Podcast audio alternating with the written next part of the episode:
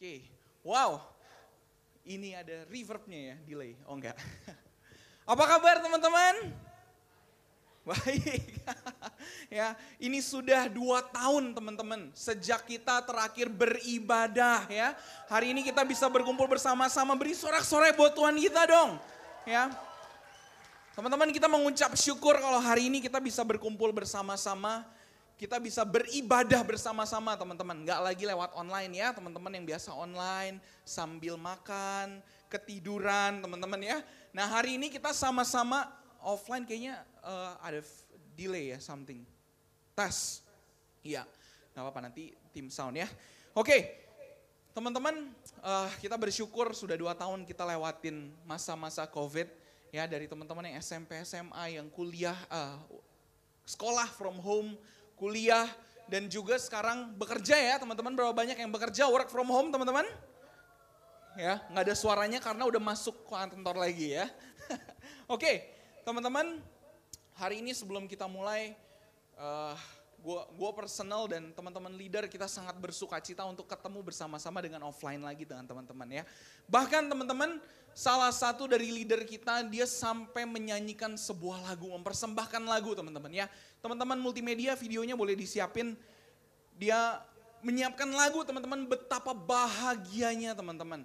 Waktu bisa ketemu offline, boleh di, di persembahannya ini dipersiapkan secara khusus oleh siapa lagi selain Kak Ongki. Mari kita lihat sekali lagi teman-teman ya. Oke silakan tim multimedia.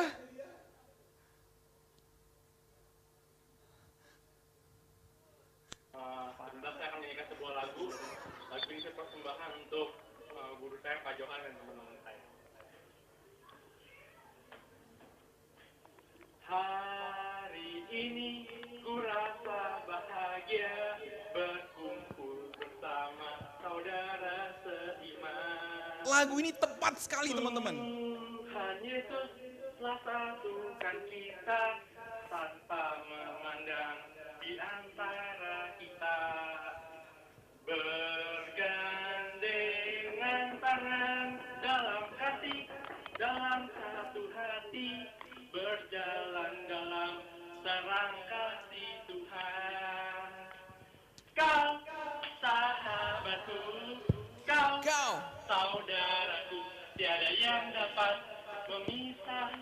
kita. Kau sahabatku, kau, Kau. saudaraku, tiada yang dapat memisahkan kita. Tiada yang Beri tepuk tangan buat Kaungki teman-teman. Luar biasa. Ya, Kaungki menyiapkan lagu ini membuktikan betapa bahagianya dia berkumpul hari ini ya. Betul Kaungki? Oke, teman-teman mari kita berdoa bersama-sama. Kita mau sama-sama dengar firman Tuhan. Bapak kami mengucap syukur buat hari ini Tuhan. Kalau hari ini kami boleh berkumpul bersama-sama. Tuhan kami mau persiapkan tanah hati kami yang terbaik Tuhan. Kami mau dengar firman-Mu dan kami mau sungguh-sungguh untuk menerima pesan Injilmu atas kehidupan setiap kami. Terima kasih Bapak dalam nama Yesus. Buat setiap teman-teman yang siap mendengarkan firman Tuhan katakan, amin. Ya, oke. Asik banget ya, kayak ada dua orang yang ngomong bersama-sama teman-teman. Gue mencoba untuk fokus saja susah rasanya. Ya, nggak apa-apa, lagi tanganin ya. Eh, Yosia, Yosia boleh tolong bantu Yosia, dingin. Nah, Oke, teman-teman hari ini kita akan melanjutkan apa yang sedang dibagikan oleh Kak Kevin ya. Kita sedang berbicara tentang Injil, teman-teman. Tentang bagaimana gospel itu ada di dalam kehidupan kita sehari-hari. Ya, gospel for the real life. Nah, boleh ditampilin uh, slide-nya. Hari ini kita akan uh, belajar mengenai redemption proposals, teman-teman. Ya. Ya, Terima kasih Jonathan Nathanael untuk membantu untuk slide-nya. Teman-teman yang berapa banyak yang nonton bisnis proposal teman-teman? Ya. Lebih semangat nonton bisnis proposal dibandingkan ibadah ya. ini kita pakai bisnis proposal ini teman-teman karena menceritakan buat teman-teman yang nggak nonton, teman-teman akan tahu ada cerita ada satu pria yang begitu bucin teman-teman, begitu cinta sama karyawannya ya kan, sampai dia turun dari kursi direksinya teman-teman. Tidak menganggap kursi direksinya, pemiliknya untuk memenangkan hati wanita ini teman-teman ya. Ini kenapa gue pakai mukanya Kevin teman-teman sama seperti kita. Melambangkan bagaimana Tuhan Yesus menebus kita teman-teman ya. Nah kenapa Kevin teman-teman? Karena gini, ada beberapa muka yang cocok dan gak cocok teman-teman ya. Gue kasih maksudnya, boleh di next teman-teman slide-nya. Ya, ini oke okay, teman-teman ya. Teman-teman bisa lihat ini Kak Kevin sebelum bertemu dengan Altea teman-teman ya. Boleh di next lagi bukan cuma itu teman-teman, bisa di next. Nah, muncul lagi ini Kak Kevin waktu demen banget nonton Naruto teman-teman. Dia sering banget komat kamit ya kan, bilang kage bunshin, kage bunshin teman-teman. Kemudian next boleh dilanjut lagi. Nah ini sebelum bertobat teman-teman. Ini adalah poster yang digunakan kalau kita lagi KKR, lepas dari cengkraman setan. Nah teman-teman, ini mukanya teman-teman ya. Next teman-teman, nah ini oke okay, ini just kidding ya, nanti gue dihabisin sama Kevin habis ini teman-teman. Oke, okay. Nah teman-teman ini nggak apa-apa di next saja nanti orang-orang salah lihat ya kan. Teman-teman kita belajar minggu-minggu ini tentang bagaimana Injil ada di kehidupan nyata setiap kita teman-teman.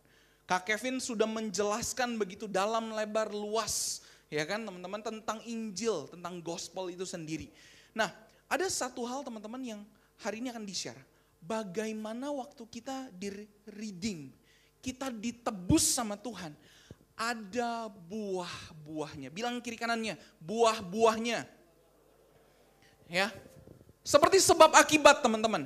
Kita nggak mungkin teman-teman kita terima Injil sungguh-sungguh, tetapi tidak ada perubahan di dalam kehidupan kita. Nah hari ini teman-teman kita mau lihat ada beberapa hal yang akan terjadi teman-teman. Kita akan lihat uh, secara firman Tuhan apa sih teman-teman ya. Uh, ada dua orang yang bilang begini, ini John Piper uh, dan dia seorang uh, Calvinis dan Reformist juga teman-teman. Uh, teolog juga dan Pak Yakub Trihandoko teman-teman bisa dengar share-nya banyak banget. Tapi ada satu hal yang catch my attention. Dia bilang begini, penebusan Injil itu teman-teman bukan sebagai pengetahuan. Berapa banyak kita tahu teman-teman Tuhan sayang sama kita, Tuhan mengasihi kita, Tuhan tebus hidup kita. Tapi ya udah, that's it hanya berhenti sebagai pengetahuan, ya kan? Ya sesekali ngerasa dikit lah, ya kan? Sesekali teman-teman kita taat sedikit, sesekali bolehlah datang ibadah sedikit, sesekali bolehlah datang komsel sedikit teman-teman. Tapi bukan itu teman-teman. Waktu kita bicara Injil teman-teman, Injil ini bukan sesuatu yang ngawang-ngawang. Memang Injil ini sangat dalam teman-teman, tapi dia bukan sesuatu yang ngawang. Injil ini sangat praktikal teman-teman. Ya, gue ralat sedikit apa yang Kak Kevin bilang minggu lalu. Khotbah itu bukan nggak boleh praktikal, tapi nggak boleh cuma motivational teman-teman. Betul ya Kak Kevin ya? Karena setiap khotbah itu akan praktikal teman-teman. Artinya maksudnya gini, setiap khotbah, firman yang kita dengar itu pasti bisa diaplikasikan ke dalam kehidupan kita. Ya, slide-nya boleh ditampilin lagi. Nah, Bagaimana ngelihatnya? Ini untuk simplify-nya teman-teman. Kita akan lihat yang pertama Injil itu sebagai perspektif. Bilang kiri kanannya, perspektif. Oke, okay? teman-teman, Injil ini bukan cuma sekedar kita tahu, tapi ini mengubah cara kita memandang. How we view the world, teman-teman. Bagaimana kita melihat masalah kita. Bagaimana kita melihat apa yang sedang kita hadepin. Bagaimana kita melihat konflik di dalam kehidupan kita. Bagaimana kita melihat banyak hal di dalam kehidupan kita, teman-teman. Ya, yang tadinya teman-teman, for example, waktu kita nggak kenal Tuhan, teman-teman, setiap orang punya prinsip masing-masing, ya kan? Bahkan prinsip-prinsip yang kelihatannya baik, tapi belum tentu benar, teman-teman. Prinsip-prinsip ini, teman-teman, ya kan? Kalau orang tua ini walaupun dengan hati yang baik, teman-teman ya, tapi kadang-kadang orang tua ngomong, kamu harus jadi orang, ya kan? Kalau udah gede kamu harus jadi orang, emang sekarang apa monyet kali gitu kan. Atau kamu harus sukses. Hal-hal ini mulai masuk teman-teman. Wah kalau sudah besar, ada standar-standar manusia yang yang udah kerja mulai berasa kan. Buset dah, mau nyicil buat rumah. Kan harus punya mobil, ya kan. Kalau kon kalau konflik sama orang, ya kan. Gak fair dong. Kok dia boleh gituin gua? Ya kan, gak fair dong. Harusnya begini cara ngomongnya nggak begitu teman-teman. Ada banyak view, ada banyak cara pandang. Tapi waktu kita terima Injil teman-teman, kita sedang melihat bagaimana cara pandang Injil yaitu Yesus yang mati buat kita teman-teman. Bagaimana kita lihat pekerjaan kita berubah. Kita nggak lihat lagi sebagai gua harus sukses seperti dunia. Tapi firman Tuhan ajarin kita, Tuhan sudah berikan yang terbaik buat kita. Sehingga kita perlu juga mengerjakan segala sesuatu untuk Tuhan bukan untuk manusia. Ya kan teman-teman? Kita nggak ngelihat lagi konflik sebagai, wah kan, ya gue yang menang, gue yang salah, gue yang benar, dia yang salah. Tapi sebagai gue mau saling menundukkan diri dan saling mengasihi. Ada cara pandang yang baru. Tapi nggak berhenti sampai situ teman-teman. Yang kedua, boleh slide-nya boleh ditampilin aja. Back, back. Back satu. Nah, yang kedua teman-teman adalah soal dorongan. Bilang kiri kanannya, dorongan. Injil ini teman-teman Kak Kevin udah share berkali-kali. Bagaimana Yesus mati di kayu salib untuk kita yang begitu berdosa teman-teman. Tapi itu nggak berhenti cuman sebagai cara pandang, tapi juga sebagai dorongan teman-teman ya. Uh, teman-teman yang angkatan-angkatan lama kemarin gue ketemu ada salah satu anak ngobrol gitu kan di pelajar umur berapa ya kan oh 17 tahun dalam hati gue 10 tahun gue bedanya sama dia gitu kan kita mulai kita yang angkatan yang sudah tua-tua mulai yang lahir tahun 95 ke atas teman-teman sudah mulai berasa tua ya kan. Tapi kemudian gue ingat Kak Kevin, oh masih ada yang lebih tua aman ya kan. Jadi tenang aja teman-teman ya. Nah ada teman-teman yang lahir di anak sekarang. Gue ingat banget dulu, ini bukan zaman gue, zaman Kak Ongki ya kan. Yang tadi nyanyi teman-teman. Kalau dulu nanemnya ini, apa namanya, kacang hijau tau gak? Gelas dikasih kapas, dikasih air, dikasih kacang yang tumbuh adalah kacang. Teman. Kalau anak-anak zaman sekarang teman-teman, nanamnya bukan nanam biji lagi, nanam saham. Nanam cryptocurrency, ya kan? Nanam NFT gitu kan. Ada beberapa generasi kita yang di atas, apa itu NFT ya kan? Tapi ada beberapa juga yang semangat ya, Ciputu ya. Mining cryptocurrency gitu ya. nah, teman-teman teman-teman bisa lihat dorongan anak-anak muda zaman sekarang begitu berbeda. Ya kan? kita penuh dengan dorongan-dorongan kita mau kaya muda ya kan? Ngelihat gozali-gozali selfie everyday bisa dapat miliaran teman-teman ya kan? Beberapa teman-teman kita selfie teman-teman. Sampai hari ini nggak datang ibadah ya kan? Karena masih selfie enggak ya? Nah jadi mereka begitu punya dorongan yang kuat teman-teman untuk ngelihat bagaimana saya harus punya uang lebih bagaimana gue bisa punya kesuksesan ya kan apalagi teman-teman yang ngikutin Forbes 30 under 30 ya kan. Oh, umur belum umur 30 tapi pencapaiannya seperti umur 30 tahun. Ya kan teman-teman, ngelihat kiri kanan, wow udah beli rumah. Ya kan teman-teman kiri kanan ngelihat universitas, wow dia kuliah ke luar negeri. Ngelihat teman-teman SMA-nya, wow ini nilainya bagus banget. Sehingga tanpa sadar kita punya dorongan-dorongan teman-teman. Untuk kita mencapai sesuatu. Bahkan dorongan ini banyak banget teman-teman di kehidupan kita. Nah waktu kita lihat Injil teman-teman, kita kembali kepada satu hal yang sederhana. Dorongan kita bukan lagi apa yang dunia tawarkan. Tapi dorongan kita adalah terlebih dahulu Tuhan sudah mengasihi kita. Teman-teman. Maksudnya apakah? Gue kemarin ngobrol ada sama uh, beberapa hari inilah. Ngobrol dengan beberapa orang teman-teman. Ada satu kisah yang menarik gitu ya. Uh, ada satu orang teman-teman. Uh, dia ini pinter banget anaknya. Jago desain teman-teman. Dari kuliah sudah part time, sudah ngedesain, sudah tidak minta uang jajan orang tua. Udah bekerja keras teman-teman gitu ya. Jadi kuliah sambil kerja, dia kerja di tempat yang uh, agency, kemudian dia juga layanin klien teman-teman. Everything seems fine gitu ya. Sampai dia cerita suatu kali teman-teman, tiba-tiba out of nowhere teman-teman. Kliennya ada yang pergi beberapa, selesai gitu ya. Kurang lebih teman-teman. Tiba-tiba di dalam hatinya, ini kita lagi ngobrol-ngobrol, tiba-tiba dalam hati ada ketakutan teman-teman. Ada, kenapa ya gitu ya teman-teman. Kadang-kadang situasi dan kondisi itu membuat kita menyadari ada dorongan-dorongan yang kita nggak sadar teman-teman. Yang kelihatannya baik, yang kelihatannya bagus, tapi ternyata waktu kita jalanin, ih ada something wrong nih, ya kan teman-teman. Ternyata dari kepergian kliennya ada dorongan yang kuat. Ternyata tanpa sadar ada kasih yang lebih untuk mamon. Ada kasih yang lebih untuk memiliki uang teman-teman. Ya kan? Karena bukan salahnya dia. Karena banyak masuk pemikiran-pemikiran umur segini udah mesti punya rumah. Umur segini udah mesti lakukan A, lakukan B. Masa di tabungan nilainya cuma segitu. Mulai masuk teman-teman ya. Teman-teman yang kuliah mungkin beberapa belum relate. Tapi percayalah akan ada waktunya teman-teman ya kan. Gue sudah menemukan orang-orang yang kuliah yang super santuy. Yang tiap hari kerjanya cuma hahaha hehe. Tidak kuliah, menikmati hidup, go with the flow. Tapi akan ada satu titik teman-teman. Akan kita akan sadar wow ini realita teman-teman kehidupan. Waktu teman-teman masuk kerja dan lain sebagainya. Dan realita ini nggak salah teman-teman. Tapi dorongannya, oh ada something. Padahal teman-teman, memang Tuhan udah bilang sama kita. Tuhan nggak pernah janjikan kita hal yang aneh-aneh. Tapi dia bilang gini, itu semua dicari oleh bangsa-bangsa yang tidak mengenal Allah. Tetapi Bapamu yang di surga tahu bahwa kamu membutuhkan. Ingat ya, bukan menginginkan, membutuhkan semuanya itu. Tetapi carilah dahulu kerajaan Allah dan kebenarannya. Maka semuanya itu akan ditambahkan kepadamu. Artinya teman-teman, yang pegang kehidupanmu, masa depanmu teman-teman, bukan pekerjaan kita. Bukan bisnis kita. Not even your talent or your clients teman-teman. Tapi yang pegang kehidupan kita teman-teman adalah Bapa di surga.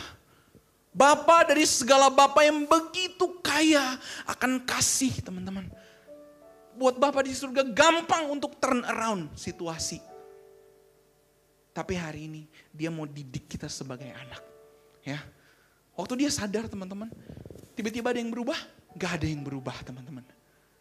Tapi waktu dia sadar, Tuhan bicara sama dia lewat firman dan lewat pribadinya. Iya ya, ternyata secara tidak sadar ada dorongan-dorongan untuk mengasihi Mamun. Ya, nah dari situ dia mengalami Tuhan dan mulai berprogres. Teman-teman, ini sama seperti di dalam kehidupan kita. Ada banyak dorongan-dorongan yang lain, teman-teman. Ya, dorongan ya yang teman-teman yang temperamental gue salah satunya teman-teman. Gue kalau ngeliat orang tuh ya udah arogan nggak mau dengerin ya kan? Terus kemudian jump to conclusion wah dorongan gue untuk nyecer tuh kuat sekali teman-teman ya kan? Banyak teman-teman ada dorongan-dorongan yang lain teman-teman. Setiap kita punya sakit jiwa kita teman-teman ya karena rusak sama dosa. Nah tapi hari ini slide-nya boleh dibalikin lagi. Injil mengubah dorongan-dorongan di dalam kehidupan kita.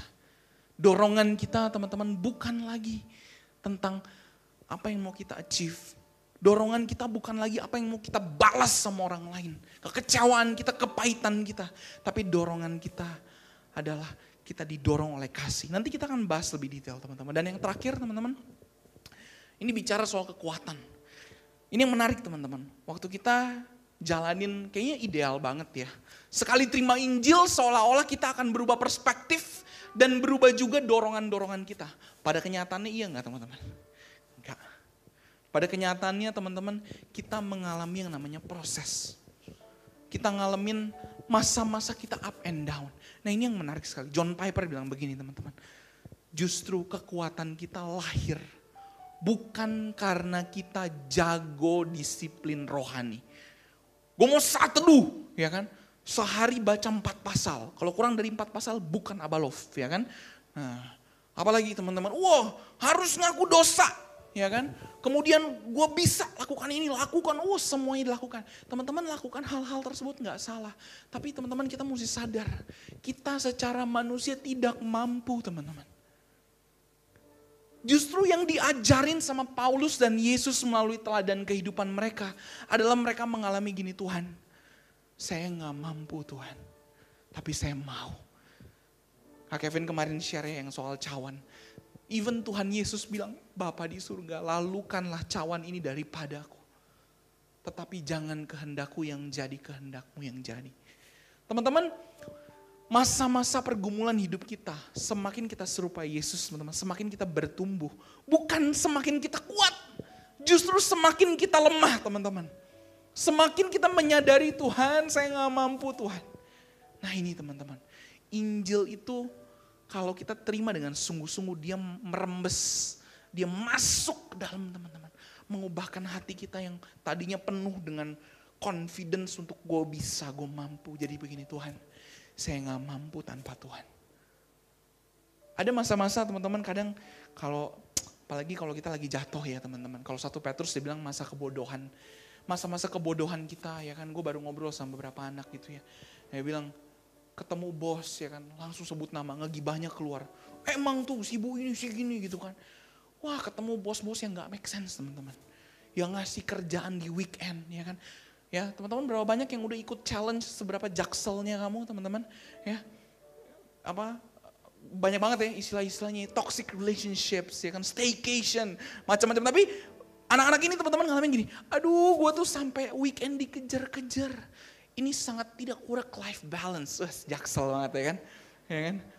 Ini gue tidak bisa ya kan? Ada gue tuh butuh yang namanya uh, staycation namanya butuh healing ya kan? Ya kan jadi apa namanya bosnya toxic banget dikasih tugasnya gila-gilaan, ya kan teman-teman. Dari pagi sampai malam, pagi sampai malam, ya kan nggak manusiawi. Sampai akhirnya ada satu titik teman-teman siapa sih yang kuat digituin terus ya kan. Gue ingat sekali dulu waktu gue kerja di tempat eh, konsultan juga begitu teman-teman ya kan. Bisa diomel-omelin, dimarah-marahin, dikasih tugas, habis dikasih tugas ditanya, sorry konteksnya apa ya? Nanya lagi, ya cari dulu ya kan. Oke, gue cari dulu. Sorenya di review, ya kan? Apa nih bikinnya nggak bener? Ya lu kagak kasih tahu dalam hati gue sompret, ya kan? Cuman, aduh Tuhan, nggak boleh lagi nih, ya kan? Nah, kadang kita merasa ada kelemahan-kelemahan kita sampai gini, gue mau nyerah. Dalam case tadi gue udah pengen, udah gue cabut aja lah dari kerjaan gue. Capek lah, capek lah gue ampunin orang-orang yang berkali-kali salah, ya kan? Mengampuni orang tua kita yang dicoba, untuk kita jelaskan, ya kan? Tapi tidak mau mengerti, teman-teman. Ya, kayaknya udah gue komunikasikan dengan segala cara, tapi kok nggak ngerti-ngerti, ya kan? Ada masa-masa kita akan nyerah, teman-teman. Akan merasakan untuk menyerah. Tapi ini adalah Injil, teman-teman. Injil nggak bicara penuntutan, tapi dia bicara dalam kelemahan kita. Kuasa Tuhan jadi sempurna. Amin, teman-teman. Ya, sehingga boleh back ke slide-nya. Waktu kita lihat teman-teman, Injil ini ini goals kita teman-teman. Ini apa yang kita mau tuju sama-sama. Ya, sesuai yang Kak Kevin udah share berkali-kali, how practical the gospel itself for our life. Betapa praktis dan aplikatifnya gospel atau Injil itu dalam kehidupan kita. Dia mengubah tiga titik ini teman-teman. Bagaimana kita melihat perspektif kita, dorongan-dorongan di dalam hidup kita dan juga kekuatan teman-teman. Kekuatan ini bukan lahir dari bisa atau nggak bisa, tapi justru dari reliance dari kita bergantung sama Tuhan, teman-teman. Ya, nah teman-teman, uh, kita mau bahas hari ini teman-teman ada tiga hal. Uh, ada ciri-ciri teman-teman, ada beberapa passage dan firman Tuhan yang menunjukkan bagaimana ketika orang itu mengalami Injil, mengalami kasih karunia teman-teman, hidupnya dirubahkan, perspektifnya berubah, dorongannya berubah dan ada kekuatan di hidupnya dia untuk dia lewatin badai kehidupannya dia. Kita mau buka firman sama-sama teman-teman di Roma 5 ayat 1 sampai 5. Roma 5 ayat 1 sampai 5. Boleh dibantu buka dari multimedia?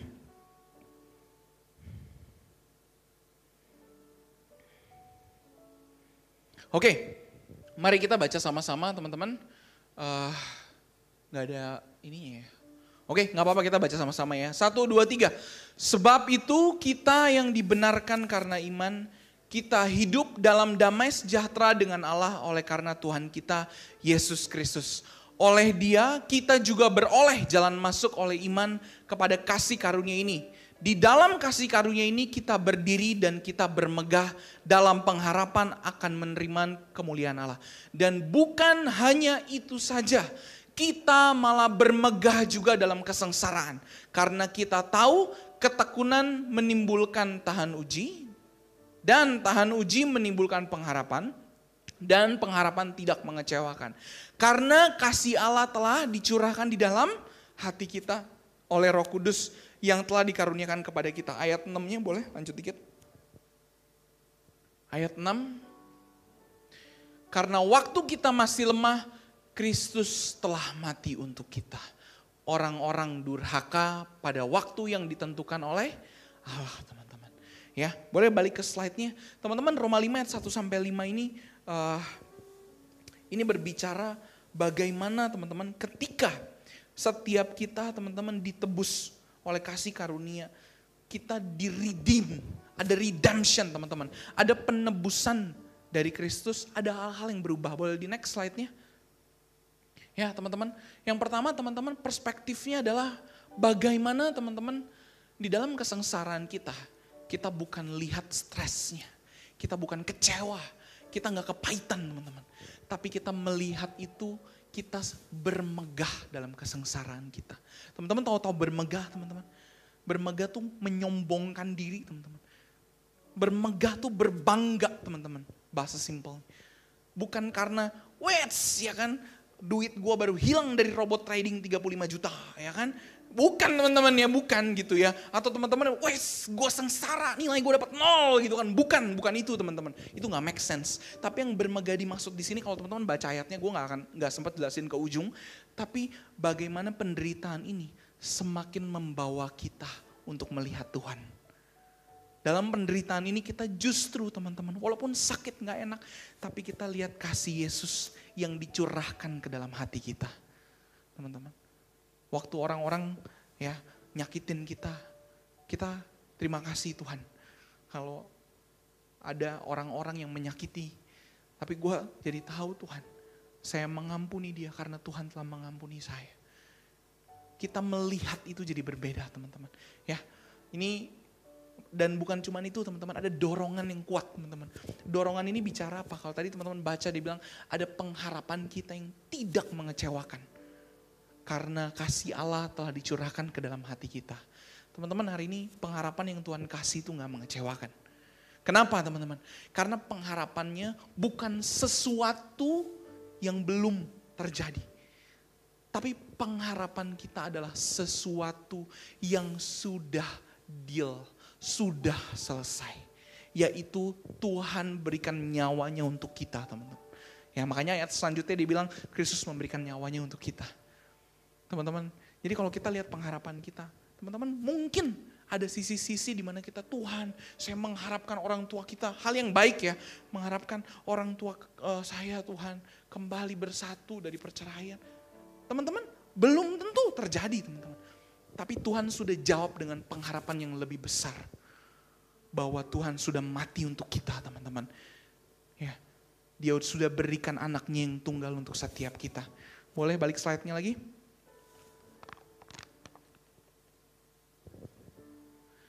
Nah, dan bukan cuma dorongan itu teman-teman, tapi ada kekuatan bahwa kita sadar penuh teman-teman. Bahwa bukan kita yang bisa mengasihi orang lain, tapi teman-teman ada Kristus yang telah mengasihi kita saat kita masih lemah. Gua ada uh, gue mengingat teman-teman ada beberapa cerita dari eh, orang-orang yang kita lagi jalan bareng gitu ya teman-teman. Kadang kita suka makan bareng, WFH bareng gitu ya. Kadang gue gak ada di rumah, ada orang-orang yang masuk ke rumah gue, bentar lagi mau gue kasih kunci rumahnya gitu ya. Gua, apa main bareng teman-teman, makan bareng. Tapi juga di tengah-tengah main, makan, kita selalu selipkan bangun culture untuk kita update hidup, ngobrol, cerita apa adanya, saling kuatin teman-teman. Ada masa-masa teman-teman gue ingat ada salah satu leader kita juga gitu ya dia datang ke gue bilang, dia kerja, uh, ya teman-teman, uh, tipenya, tipenya anak NFP teman-teman, tuh NFP yang extrovert gitu ya, yang oh, happy dengan segala sesuatu. Kalau ibarat kata kalau ada banyak orang seneng, kenapa teman-teman? Energinya diserap ya kan. Kita yang introvert-introvert kesel kan, buset dan orang-orang ya kan. Extrovert-extrovert ini yang perceiving sekali kalau bisa bareng-bareng bersama-sama. Dan teman-teman gue dulu waktu bareng sama dia jalan gitu ya, uh, waktu dia baru mau kuliah dari SMA, gue tanya, ya kan, John lu kuliah. sorry, sorry disebut. Ya udahlah ya, nggak apa-apa ya. Ini cerita yang udah pernah ceritain juga. Gue tanya gitu kan, John lu uh, kuliah apa waktu itu, ya kan? Waktu itu itu zaman-zaman gue ingat sekali kita pelayanan di Mangga Dua Square teman-teman, ya kan? Kita kita pelayanan teman-teman, kita nggak pandang mau khotbah kayak mau apa kayak, pokoknya yang namanya melayani Tuhan habis-habisan teman-teman, ya kan? Kita itu salah satu pelayanan yang kita suka angkat angkat ini teman Aqua Glass. Dari B2 kita beli di Carrefour, kita angkat ke atas ya kan. Nah itu pelayanan yang kita sering tarik Kak Kevin untuk melakukan bersama-sama teman-teman. Supaya dia tidak lupa pelayanan bukan cuma di sini teman-teman ya. Tapi angkat-angkat galon dan angkat-angkat gelas teman-teman. Nah gua apa namanya, uh, abis check out gitu ya di uh, Carrefour waktu itu. Gue John lu mau kuliah apa gitu kan. accounting fit gitu kan dia dengan serunya ya kan. Lu suka sama angka? Gak suka gitu kan. Lu suka diem ngerjain suatu hal terus Gak suka. Terus kenapa lu kuliah accounting gitu kan? Karena semua teman-teman gua masuk accounting ya kan. Mantep banget teman-teman. Dengan confidentnya gitu ya. Tapi setelah ngobrol, ngobrol, ngobrol. Dan dia ngobrol sama orang tua, sama teman-teman ya akhirnya dia memutuskan masuk ke naturnya dia yaitu marketing ya kan. Nah kuliah teman-teman marketing ya. Habis kuliah marketing kemudian dengan ini juga gue singkat ceritanya ya John. Masuk teman-teman dia dapat kasih karunia untuk masuk ke Astra teman-teman. Salah satu perusahaan yang di dalam salah satu unit bisnis yang kerjaannya teman-teman sangat tidak John banget gitu ya. Nggak ketemu orang-orang, nggak ada brainstorming, urusannya sistem, terstrukturnya harus rapi total, harus berfungsi. Sampai awal-awal gitu kan. Kalau ketemu COVID, gue capek COVID gitu kan. Aduh gue gak bisa kayak begini gitu kan. Sampai beberapa kali teman-teman, gue mau keluar gitu kan gue capek gue mau keluar gitu ini bukan gue banget gitu ya. Karena gue tahu dia memang anak marketing banget teman-teman. Ide brainstorming ya kan? Fashionable ya kan? Charming ya kan? Salah salah salah salah ya enggak ya? Nah jadi ya uh, tapi ini yang gue gue gue sungguh lihat. Di tengah kesengsaraan itu teman-teman. Walaupun ya kita perlu jujur apa adanya nggak apa-apa kita ngeluh ngoceh teman-teman. Tapi ini yang gue lihat. Waktu dia datang dia bilang gini gue gue mau kuatin diri gue dan gue mau teguhin gue gak mau ambil keputusan karena gue lagi bodoh. Lagi dalam kondisi yang emosional. Gue inget banget teman-teman, bukan karena siapa pun walaupun banyak yang tegur dia, nasihatin dia, tapi dia memutuskan untuk akhirnya, ya udah, gue mau stay di kerjaan ini, teman-teman. Ya, sampai teman-teman stay dia stay, udah mulai bisa handle. Yang tadinya penuh keluhan, sekarang penuh dengan udah mulai bisa ya kan jalan. Sampai suatu kali teman-teman tiba-tiba ya kan di approach kembalilah oleh uh, salah satu bos kita, bos Adi mana bos Adi oh ya? ya approach ngobrol singkat cerita punya cerita terbuka jalan tanpa dipaksa teman-teman ya kadang ini gue ingat banget ada kalimat gini di Wahyu pintu yang Tuhan tutup nggak akan kita pernah bisa buka tapi pintu yang Tuhan buka, gak akan ada orang yang pernah bisa tutup teman-teman. Teman-teman kadang kita dalam kehidupan kita, kita paksa gue maunya begini, gue maunya begini. Tanpa kita doain, tanpa kita dengar uh, nasihat dari orang-orang terdekat kita. Kadang-kadang ada pintu yang Tuhan tutup sengaja untuk kebaikan kita teman-teman. Waktu itu pintunya terbuka teman-teman dan sampai hari ini teman-teman. Dia bekerja dengan sangat happy di tempat yang tepat dan dengan sesuai dengan fungsi yang diharapkan. Tapi dengan catatan dia sudah melewati fase-fase yang harus dilewati. Kenapa teman-teman? Karena dalam kesengsaraan kita, kita bukan lihat masalahnya. Kita lihat Tuhan lagi mau kerjain apa. Sehingga itu menimbulkan ketekunan. Ketekunan menimbulkan tanuji. Dan tanuji menimbulkan pengharapan dan pengharapan kita tidak kecewa. Karena dasarnya adalah kasih Kristus teman-teman. Ya beri tepuk tangan buat Tuhan kita dong. Ya. Sehingga teman-teman jangan buru-buru kalau dapat bos yang gak enak pengen pindah kerja. Ya kan. Dapat situasi yang gak enak pengennya pindah kerja kita perlu belajar anak-anak muda jangan jadi mental tempe teman-teman. Ya kan? Sorry, mental tahu ya kan? Tempe ada brandnya, sorry, sorry, sorry.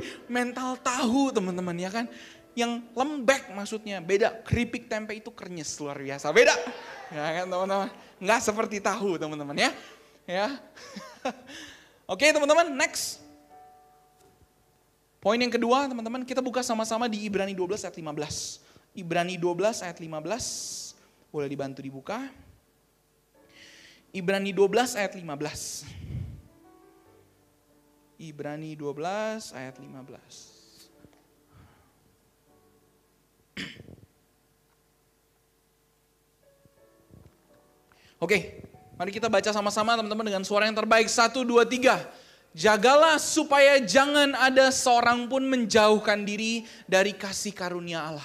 Agar jangan tumbuh akar yang pahit yang menimbulkan kerusuhan dan yang mencemarkan banyak orang, teman-teman. Ya, gue baca sekali lagi buat teman-teman ya, jagalah supaya jangan ada seorang pun menjauhkan diri dari kasih karunia Allah, ya kan? Menjauhkan diri dari kasih karunia Allah. Kenapa? Karena kalau dia menjauhkan diri, teman-teman, akan tumbuh akar yang pahit. Akar yang pahit ini bukan cuman tumbuh teman-teman, bukan cuman ada.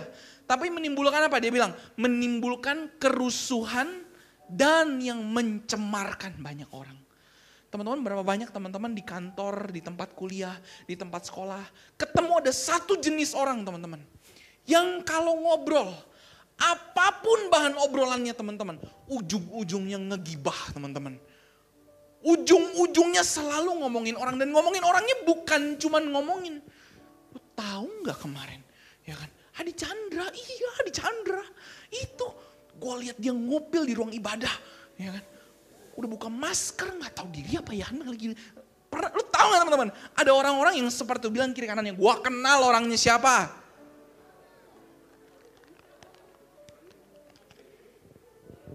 Ya? Teman-teman tahu ada orang-orang yang kalau bahasa jakselnya toxic relationship. Wes keren ya.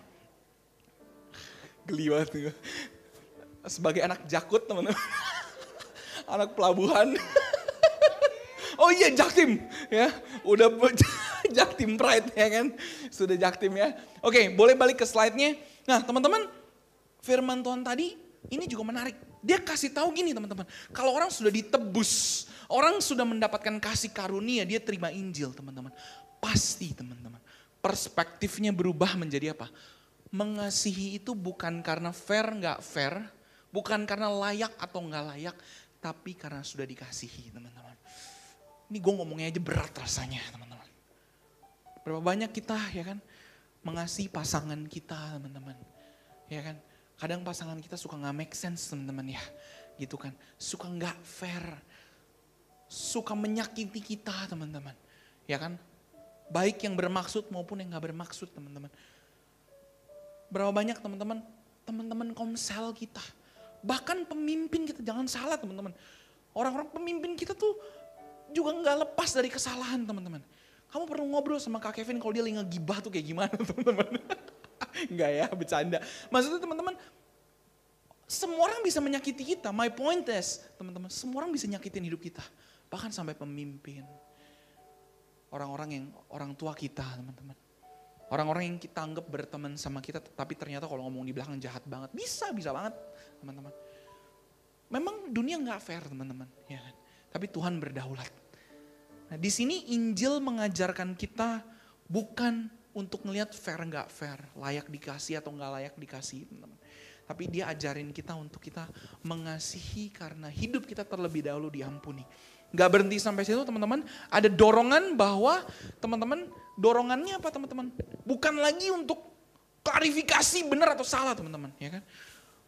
Teman-teman karena kita kalau dituduh kan kita apalagi teman-teman kalau pimpin orang lain gitu ya mau bentuknya komsel kayak kalau mau bentuknya cuman pemuritan apalagi dalam leadership teman-teman. Mesti siap disalahin disalahartikan bahkan nggak layak lo jadi pemimpin gitu kan.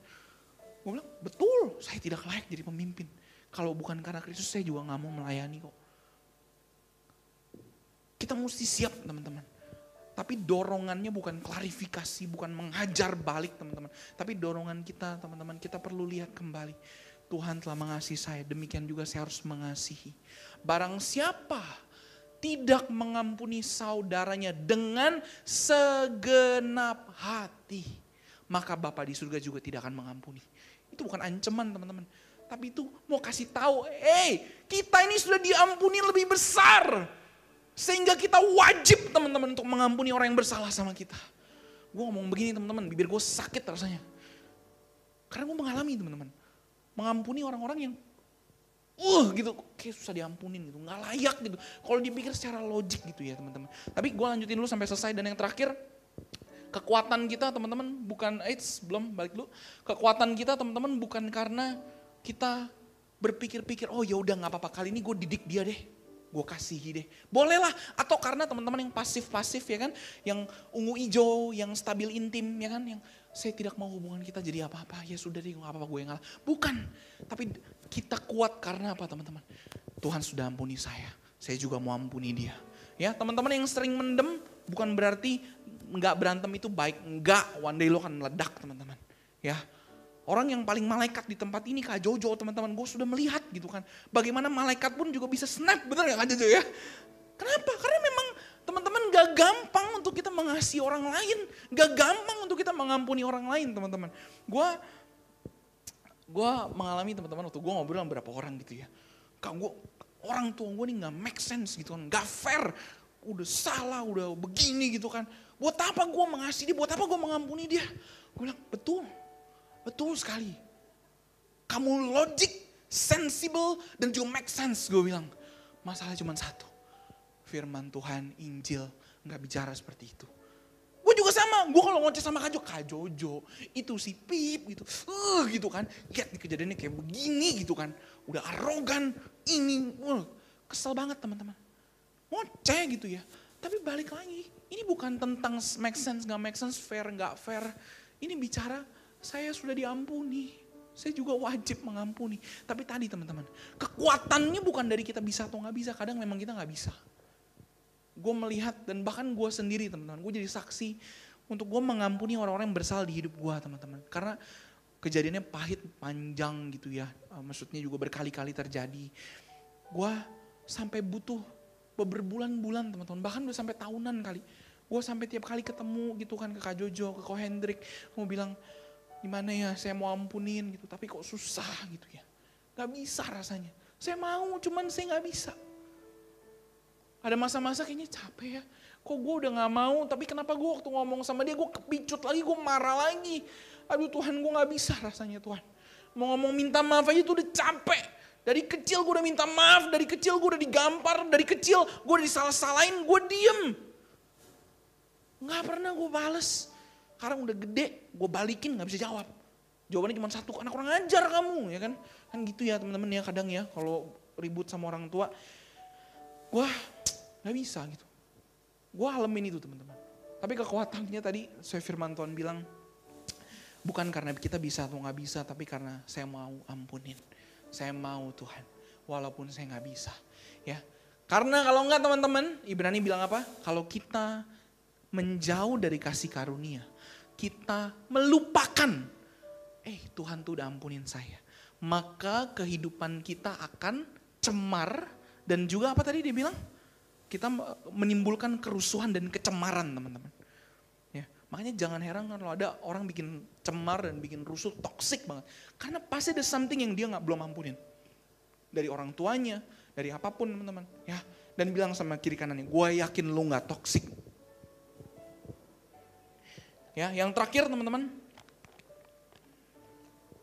sebelum gue tutup, Slide yang terakhir, mari kita buka sama-sama firman Tuhan di 2 Korintus 8 ayat 1 sampai 5. 2 Korintus 8 ayat 1 sampai 5. Teman-teman, uh, mari kita baca sama-sama ya. Ini ayat terakhir teman-teman. 2 Korintus 8 ayat 1 sampai 5.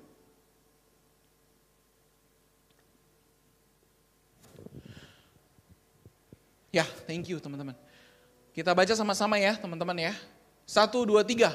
Saudara-saudara, kami hendak memberitahukan kepada kamu tentang kasih karunia yang dianugerahkan kepada jemaat-jemaat di Makedonia. Selagi dicobai dengan berat dalam pelbagai penderitaan, sukacita mereka meluap. Dan meskipun mereka sangat miskin, namun mereka kaya dalam kemurahan.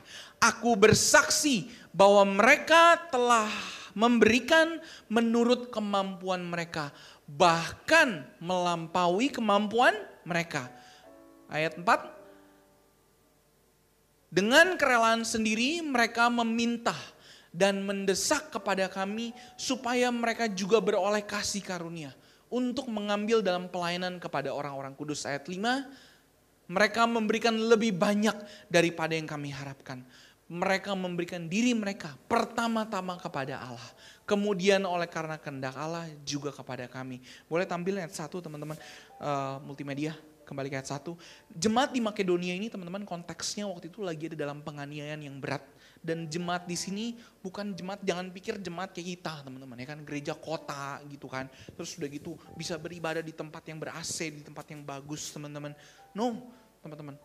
Most of them orang-orang yang diutus full time teman-teman ya.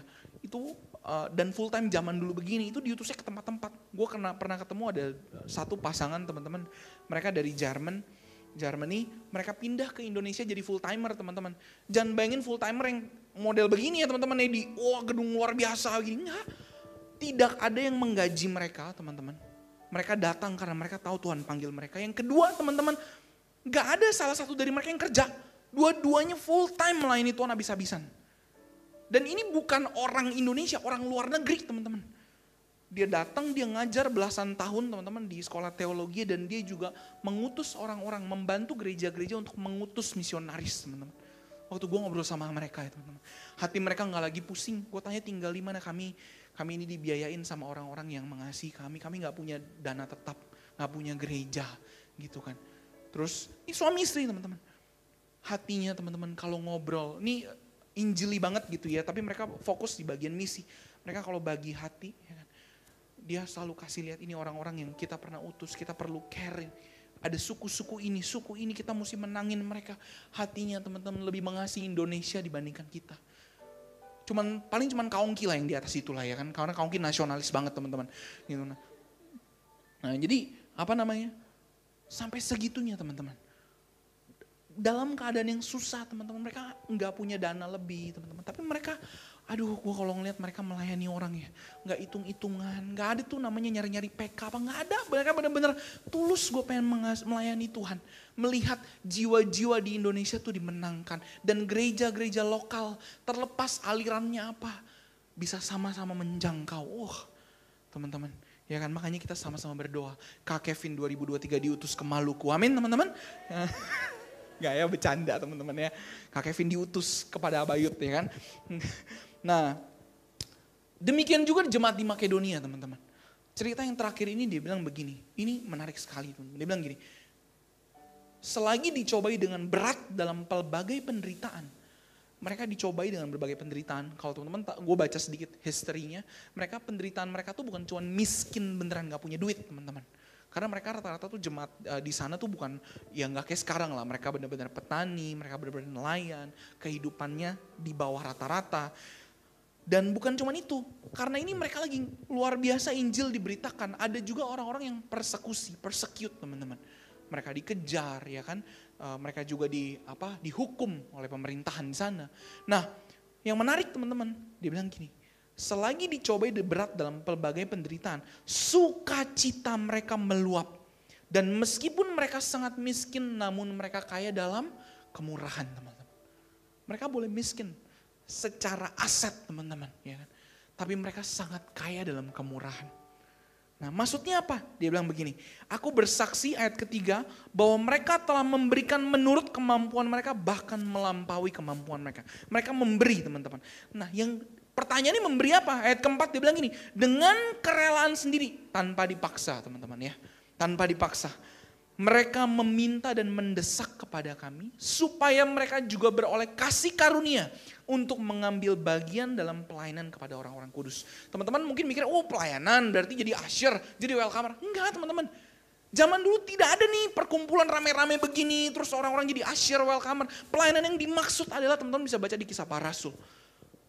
Satu milik semua teman-teman. Kalau ngomongin bagi harta bukan perpuluhan, mereka benar-benar bagi harta apa yang mereka punya untuk semuanya teman-teman. Satu milik semua, semua milik satu. Dan bukan cuma itu, mereka memberikan diri mereka pertama-tama kepada Allah. Mereka bilang Tuhan pakai hidup kami Tuhan. Untuk kita, kalau bahasa sekarang ya muridin hidup orang lain. Untuk saya invest ke hidup-hidup orang lain. Ya kan? Dan kemudian oleh karena Allah juga kepada kami teman-teman. Teman-teman bisa lihat nggak boleh balik ke slide-nya. Linknya masih connecting ya. Boleh balik ke slide-nya. Yang ketiga teman-teman yang terakhir, kita lihat dari jemaat di Makedonia ini teman-teman. Ketika orang ditebus hidupnya. Perspektifnya teman-teman, bukan lagi tentang gini. Ya saya mau semakin kaya di hidup saya. Ya tujuan hidup saya, saya punya rumah yang besar. Ya boleh lah undang-undang orang sekali, ya kan tujuan hidup saya teman-teman. Bukan lagi teman-teman, boleh di next slide-nya. Perspektifnya bukan lagi teman-teman tentang ya saya mau hidup nyaman, hidup enak. Ya kan? Gak salah makanya kenyamanan dan keenakan. Tapi perspektifnya waktu kita ditebus Tuhan teman-teman. Sukacita kita, damai sejahtera kita. Bukan lagi karena situasi dan kondisi. Tapi karena kesadaran apa yang Kristus sudah lakukan. Dan teman-teman bukan cuma sadar. Ada dorongan yang kuat teman-teman. Untuk apa? Memberi diri kepada kehendak Allah teman-teman. Kehendak Allah ini bukan bicara teman-teman pelayanan ibadah. Teman-teman melayani ibadah itu a good thing. Tapi memberi diri kepada kehendak Allah teman-teman. Kita personal teman-teman. Kita tahu kehendak Allah buat hidup kita. Dan kita melakukannya. Dan teman-teman gak perlu pusing jauh-jauh. Kalau teman-teman back to Bible, back to gospel, teman-teman akan menemukan kehendak Allah buat setiap hidup kita adalah kita mengasihi Tuhan dengan segenap hati kita. Up, kita mengasihi sesama kita teman-teman. Sama seperti kita mengasihi diri sendiri. In, dan kita out. Pergilah, jadikanlah semua bangsa muridku. Kita invest ke dalam hidup hidup orang lain. Gue bersyukur teman-teman di dalam kehidupan selama kita jalani ini teman-teman uh, jalani ikut, ikut Yesus belasan tahun, gue bersyukur ada orang-orang yang mau cover hidup gue. Gue nih bukan tipe yang kalau ada apa-apa cerita, terus chat di tengah hari, telepon-teleponan, jarang teman-teman. Gue cenderung lebih independen dan cerita ketika di, ketika butuh teman-teman ya kan. Tapi gue sadar waktu kita masuk ke dalam keluarga Allah, ya kan. Efesus 2 bilang kita nih keluarga Allah. Belajar, kita belajar untuk menjadi anak teman-teman. Kita belajar untuk kita mengungkapkan hati kita. Kita belajar untuk punya hati yang mau ditegur. Kita belajar untuk kita nih mau terima arahan. Apalagi arahannya sesuai firman Tuhan teman-teman. Gue belajar, gue salah satunya teman-teman yang gue ngobrol banyak sama Kak Hendrik dan Kak Jojo gitu ya. Gue bersyukur waktu gue tiap kali teman-teman mereka tuh panggil gue. Si Kak Hendrik apalagi gitu kan. Pit datang Pit ke kantor gitu kan. Siap kok langsung gitu kan. Karena gue berasa gini, Ya ampun, ada loh orang tuh mau spend waktunya yang berharga. Cuman untuk dengerin gue cerita, untuk kuatin hidup gue. Gue berasa, buat gue teman-teman, itu berharga banget. Gue gak bilang kita harus hormati dengan eksesif, dengan berlebihan. No, tapi maksud gue gini, waktu kita lihat ada orang-orang yang invest di hidup kita teman-teman. Kita perlu punya hati seorang anak yang mau ditegur. Yang mau belajar spend waktu kita teman-teman yang mau belajar untuk gue mau duduk di bawah kaki lu, gue mau dengerin apa kata Tuhan lewat lu. Teman-teman kita perlu mengucap syukur ada orang-orang yang mau cover hidup kita. Ya, gue Kak Jojo terutama teman-temannya. Berapa banyak teman-teman couple yang dimuridin langsung sama Kak Jojo? Ya, mana suara-suaranya angkat tangannya? Ya, teman-teman banyak sekali teman-teman. Dari orang-orang, teman-teman ini Kak Jojo tuh anaknya satu itu kan yang yang resmi ya kan? Tapi anak yang nggak resmi banyak banget gitu gue bingung kadang. Itu kalau kucing berlahir 4 tahun juga masih kalah tuh kucing gitu kan. Banyak banget anak-anak yang dimuridin yang diinvest hidupnya. The least that we can do teman-teman adalah kita melihat kita sama seperti jemaat Makedonia. Kita datang kepada pemimpin-pemimpin kita untuk kita bilang kita mau diarahkin kita bukan cuma mau dielus-elus ditegur tapi kita juga mau terlibat dalam pelayanan orang-orang kudus. Kita mau untuk terlibat dalam misi apa yang sedang kita kerjakan teman-teman. Dan yang kita kerjakan kita nggak bilang kita mau jadi, wah ibadah makin besar. Teman-teman ibadah ini just a tools. Mau online, mau offline gak masalah. Walaupun offline is a good thing. Tapi pelayanan yang dimaksud nggak berubah dari dulu sekarang sampai selama-lamanya. Bagaimana kita menangkap hati Tuhan untuk orang lain. Untuk kita memuridkan mereka teman-teman. Kita invest hidup kita kepada orang lain teman-teman. To be honest, mungkin teman-teman yang udah kerja berasa. Hari-hari ini aset terbesar kita bukan uang teman-teman. Karena kita pada masa pada masih pada miskin ya teman-teman ya, masih pada bekerja ya kan. Tapi aset terbesar kita adalah waktu teman-teman. Berapa banyak dari kita gue gua gua gua hari ini teman-teman gue juga mengelola bisnis. Gue lagi mempersiapkan pernikahan. Ada banyak hal-hal yang lain yang mesti dilakukan gitu. Gue berasa waktu tuh selalu tight gitu. Tapi teman-teman, kita nggak bisa punya alasan. Kalau Yesus mati buat kita demikian, kita juga harus invest kepada hidup orang lain. Kita nggak pernah terlalu sibuk teman-teman. Yang ada cuma nggak prioritas. Nggak, nggak pernah diminta teman-teman untuk kita, wah muridin 10 orang, 20 orang harus kayak juga. Enggak. Tapi siapa yang Tuhan gerakan teman-teman. Kita perlu invest. Coba deh teman-teman. Teman-teman leader juga sama. Jangan sampai kita leader ya teman-teman, maksudnya PKS, whatever. Kita mencintai pelayanannya. Kita bukan mencintai orang-orang yang kita layani, which is domba-dombanya Tuhan teman-teman. Ini yang kita juga mesti sama-sama balik. Sama seperti jemaat di Makedonia dan terakhir teman-teman, uh, boleh lihat uh, kembali ke slide-nya.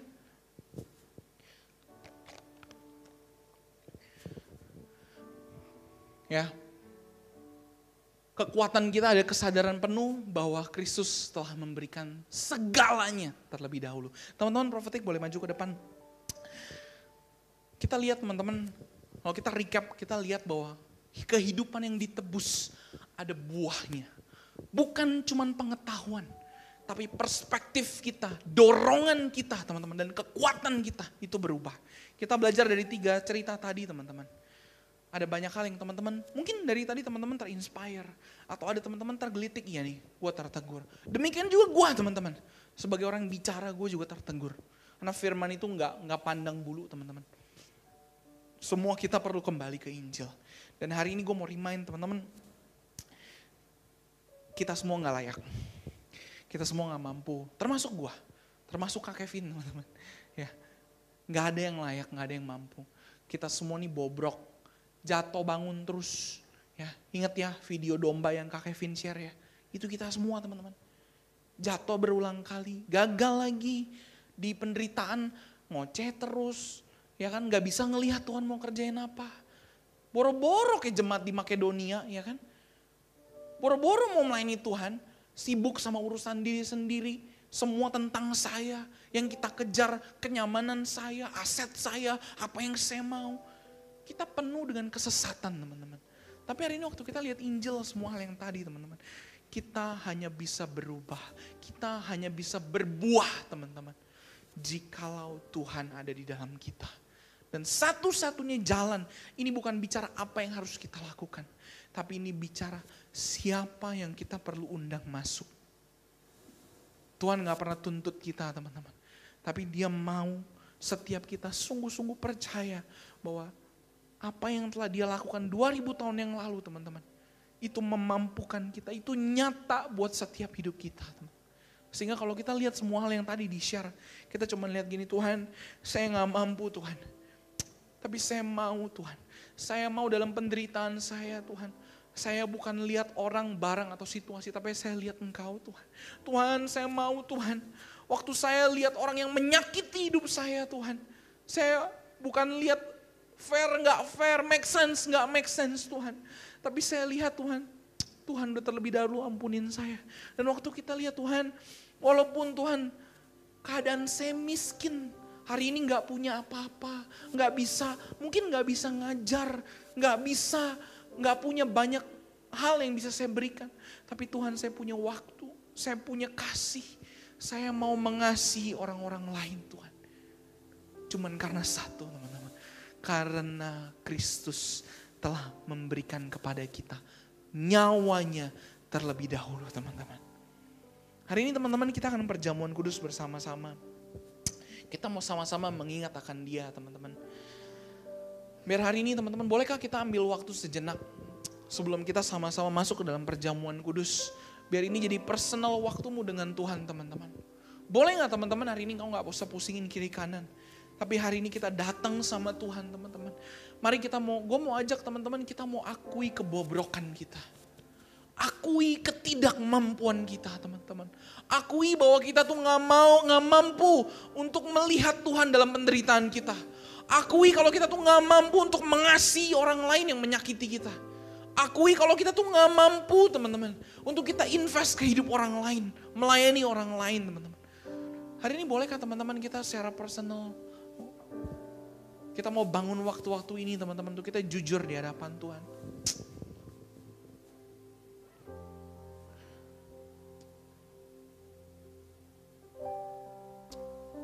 Kami sadar Bapak, dalam kehidupan kami Tuhan, kami banyak gak mampu Tuhan. Kami gak mampu untuk melihat Engkau dalam penderitaan yang kami alamin Tuhan. Kami banyak nggak mampu untuk mengasihi dan mengampuni orang yang bersalah kepada kami Tuhan.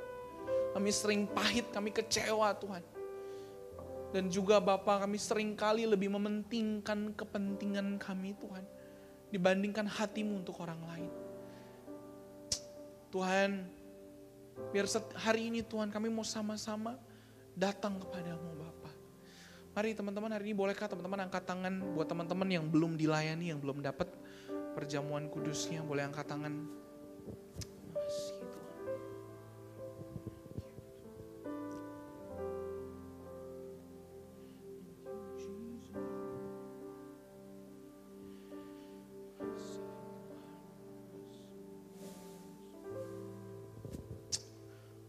Makasih Bapak. Yang belum dilayani boleh tetap angkat tangan.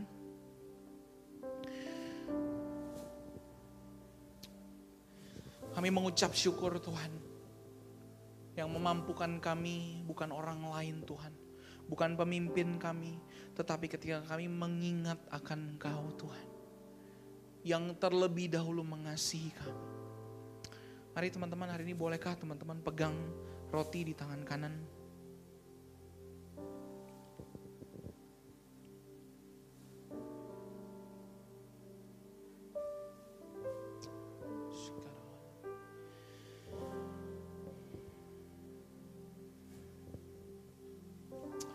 Dan sesudah itu ia mengucap syukur atasnya.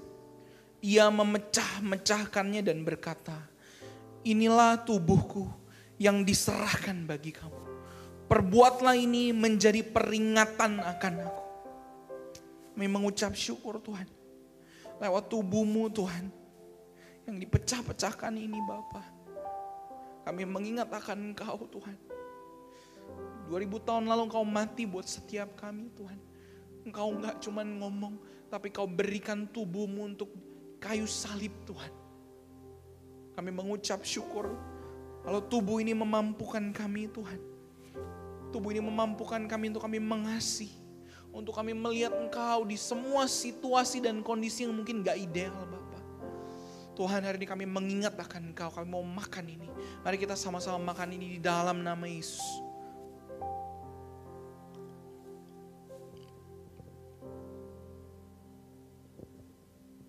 Mari kita mau sama-sama pegang anggur di tangan kanan kita.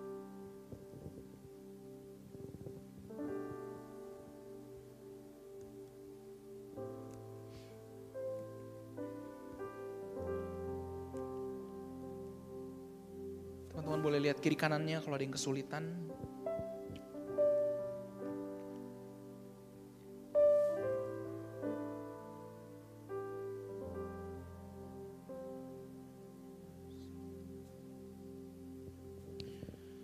Mari kita mau angkat di tangan kanan kita.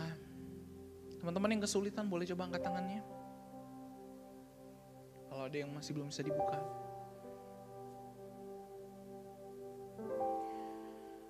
Oke, mari kita angkat anggurnya di tangan kanan kita.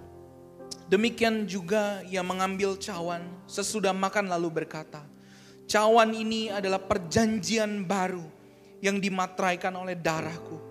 Perbuatlah ini setiap kali kamu meminumnya menjadi peringatan akan aku. Kami bersyukur Tuhan, darahmu Tuhan menebus, redeem kami dengan harga yang mahal Tuhan. Engkau tebus setiap kami Tuhan. Bukan untuk hanya diselamatkan, tapi ada perjanjian yang baru Tuhan yang kami terima.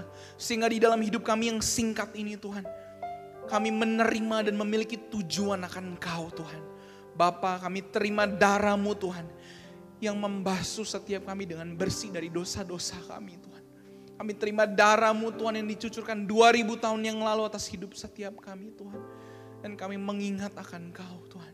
Di dalam nama Yesus mari kita minum sama-sama.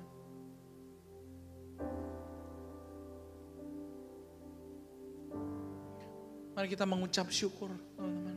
Kami bersyukur Tuhan. Atas apa yang kau berikan kepada kami Tuhan. Kami mengucap syukur untuk penebusan dalam kehidupan setiap kami Bapa. Kalau bukan karena Engkau Tuhan hari ini kami nggak mampu to move forward Tuhan. Terima kasih Bapak.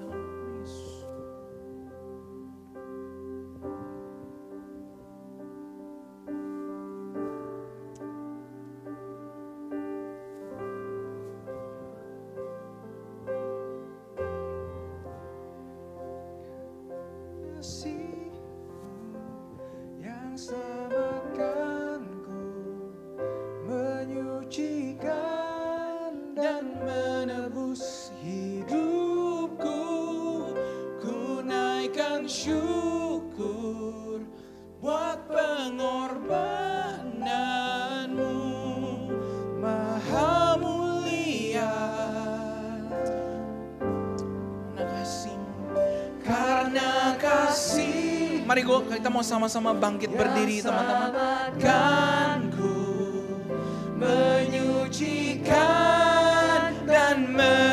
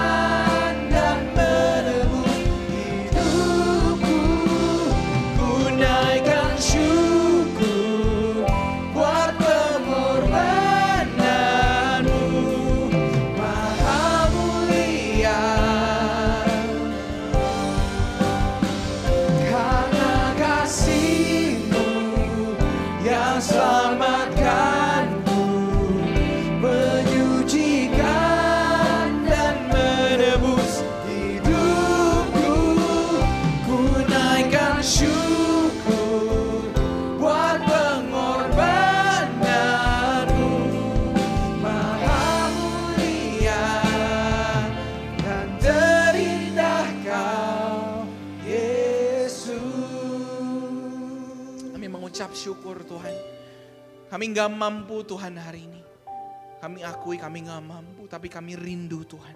Karena Engkau telah terlebih dahulu menebus hidup setiap kami Tuhan. Kami mau terima Tuhan. Ada perspektif yang baru. Ada dorongan yang baru Tuhan. Ada kekuatan yang baru. Karena Engkau telah terlebih dahulu mengasihi setiap kami. Terima kasih Tuhan Yesus. Buat siapa teman-teman yang hari ini sudah dengar firman Tuhan. Sama-sama katakan. Amin. Beri tepuk tangan buat Tuhan kita dong.